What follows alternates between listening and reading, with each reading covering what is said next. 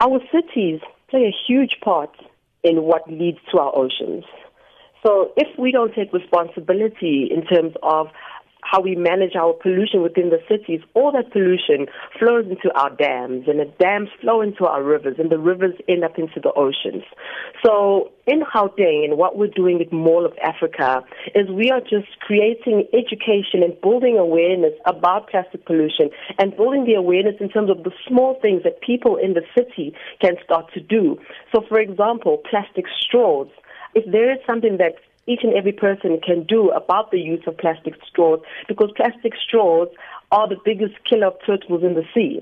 So if you're using a plastic straw or many plastic straws and you are not responsible in terms of recycling that plastic, if you do things in the wrong way, then that, that will end up in the dams. It goes into the rivers and goes into our seas.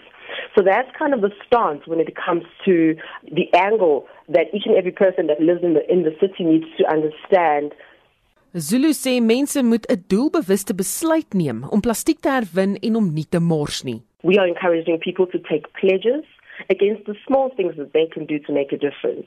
So, for example, you could take a pledge that says that you are no longer going to use plastic bags.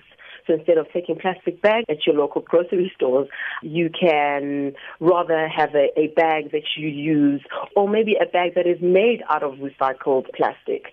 So I mentioned again the plastic straws or plastic cups and small things like a plastic lid when you go get coffee.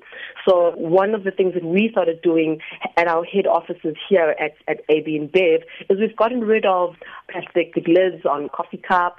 We've gotten rid of plastic cutlery and we've replaced that with wooden cutlery. So there's small things that you can do in your own home or in your own capacity that could, you know, build towards some sort of change.